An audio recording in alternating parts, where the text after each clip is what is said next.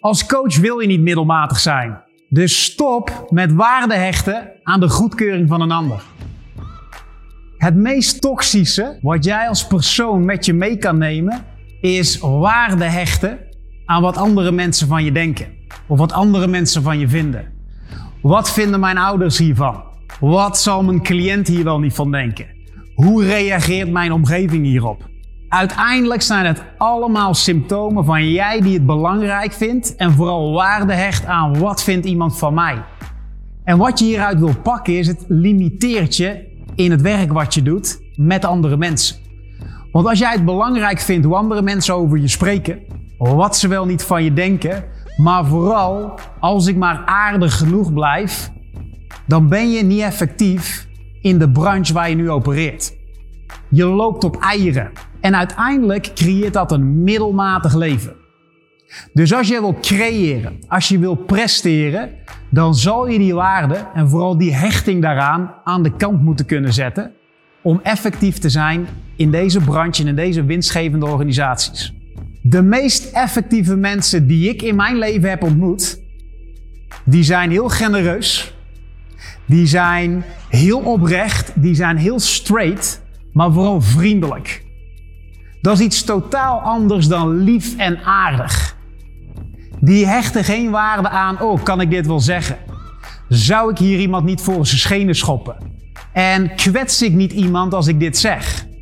Deze mensen hebben één ding gemeen. Die spreken iemand aan, die zijn direct en eerlijk om een impact te kunnen maken. Jij kan iemand anders nooit kwetsen. Het is de ander die daar een beslissing over maakt of een bepaald verhaal creëert. Dat kwetst die persoon zelf. Laat mij het volgende voorbeeld gebruiken. Zo heb je een coach en een cliënt en er zijn twee uitkomsten. Bij die ene vraagt een bekende aan die cliënt: hey, hoe is dat traject met die coach die jij doet? Hoe ervaar je dat? Ja, dat is hartstikke leuk. Goede gesprekken, leuke gesprekken ook. Echt een toffe dame of echt een leuke gast. En uh, nee, dat, dat loopt lekker. Gewoon uh, goed, goed om te doen. Waardevol, ja, absoluut. Oké, en hoe staat het als het gaat om je resultaten? Hè?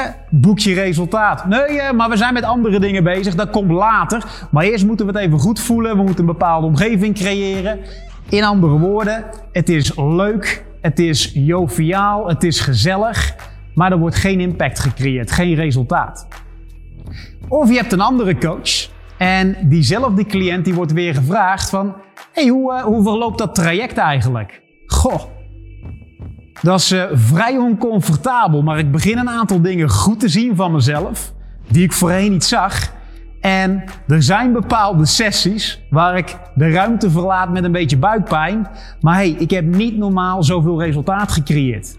Ik heb bepaalde patronen doorbroken die ik voorheen dacht, dat gaat me nooit lukken. Dus het is me alles waard en er wordt gigantisch resultaat gecreëerd.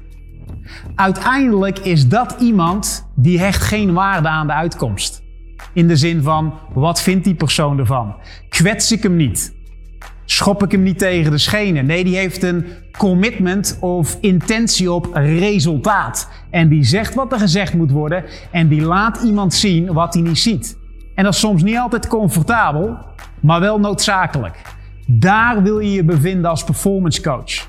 Dat betekent je kan nog gepast zijn en manieren hebben, maar uiteindelijk het resultaat staat centraal. Waarom? Het resultaat van de cliënt is het belangrijkste. Het doel en het target waar we samen naartoe werken, dat maken we belangrijker dan al die redenen en excuses en al die bullshit die er de weg staat.